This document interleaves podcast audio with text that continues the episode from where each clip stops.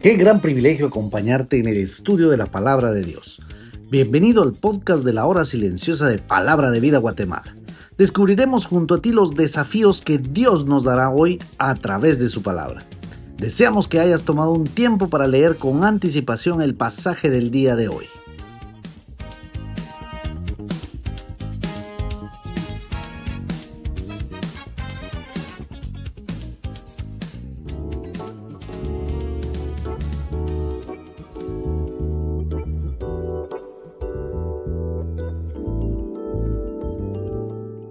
Muy buenos días, qué privilegio nuevamente encontrarme con ustedes y estudiar juntos la palabra de Dios. Nuestro pasaje para el día de hoy lo encontramos en 1 Corintios capítulo 11 versículos 11 al 22. Pablo dice que los hermanos de Corinto deben recordar que ni el varón es sin la mujer, ni la mujer sin el varón.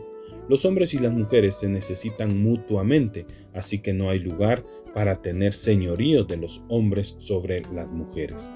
Pablo ha reconocido el orden de la creación y la relación con el principio de liderazgo masculino en la iglesia.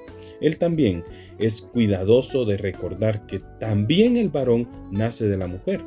Hay una interdependencia que debe ser reconocida dentro del marco del liderazgo masculino en la iglesia y en el hogar. El hombre o los hombres que gobiernan en la iglesia o en el hogar sin amor, sin reconocer el vital e importante lugar que Dios le ha dado a la mujer, no están haciendo la voluntad de Dios. Los versículos 13 al 16, Pablo dice que los cristianos deben darse cuenta por sí mismos y pregunta, ¿es propio que las mujeres oren a Dios sin cubrirse la cabeza? En la comunidad judía incluso los hombres cubrían su cabeza cuando estaban orando, por lo tanto, era inconcebible que las mujeres oren a Dios sin cubrirse la cabeza. Su propia cultura les enseñaba que las mujeres debían seguir la costumbre de cubrir su cabeza en la iglesia. También les dice, la naturaleza misma no os enseña. Desde que sabemos, las mujeres han usado el pelo más largo que los hombres. En algunas culturas y en algunas veces los hombres usaron el pelo más largo que otros pero no importa cuán largos usara el pelo los hombres, las mujeres siempre debían llevar el pelo más largo. Porque en lugar de velo le es dado el cabello. Porque las mujeres llevan su pelo más largo que los hombres, Pablo piensa que este pelo largo es un velo natural, por tanto, si la naturaleza le ha dado a las mujeres pelo largo como cubierta, es muestra en sí mismo a su necesidad de ser cubierta, de acuerdo con la antigua costumbre corinta. Luego dice, si alguno quiere ser contencioso, nosotros no tenemos tal costumbre. Pablo está diciéndole a los cristianos que no sean contenciosos, especialmente porque las otras iglesias han adoptado sus costumbres de acuerdo con la verdad de Dios.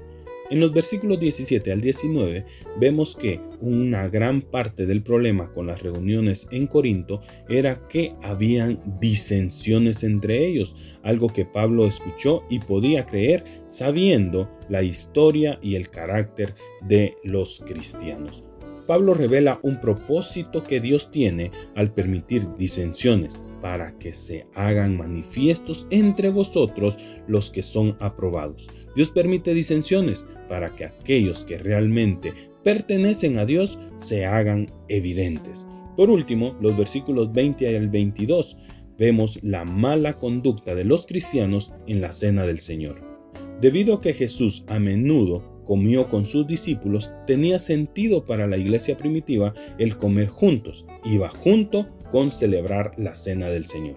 Tristemente, los cristianos corintios estaban actuando egoístamente en sus comidas comunes.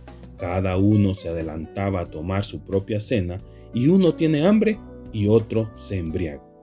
Su conducta egoísta en la comida estaba deshonrando la cena del Señor. Y pregunta, ¿Por qué algunos tienen hambre en la comida de la iglesia? Porque entre los cristianos algunos eran más ricos que otros y los más pobres estaban siendo ignorados. En aquel tiempo, en las comidas comunes, se esperaba que la clase alta recibiera más y mejor comida que la clase baja. Esta costumbre cultural se estaba llevando dentro de la iglesia y los cristianos no estaban compartiendo el uno con el otro. En el festín agape, el rico traía más comida y el pobre menos comida, pero en Corinto no estaban compartiendo la comida juntos. ¿No tenéis casas en que comáis y bebáis o menospreciáis la iglesia de Dios? El mensaje de Pablo era fuerte y claro.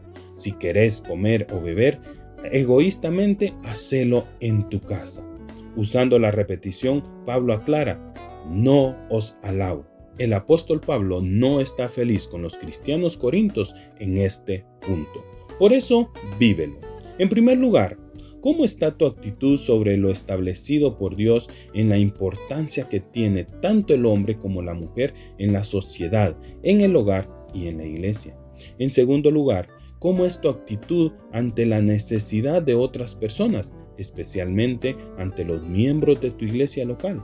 Espero que no seas como los hermanos de Corintio que menospreciaban a los más pobres.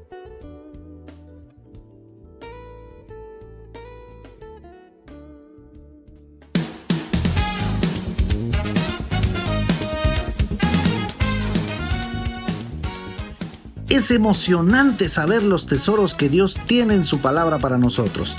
Ayuda a tus amigos a que descubran la voluntad de Dios para su vida. Comparte este podcast con ellos. No olvides seguirnos en nuestras redes sociales.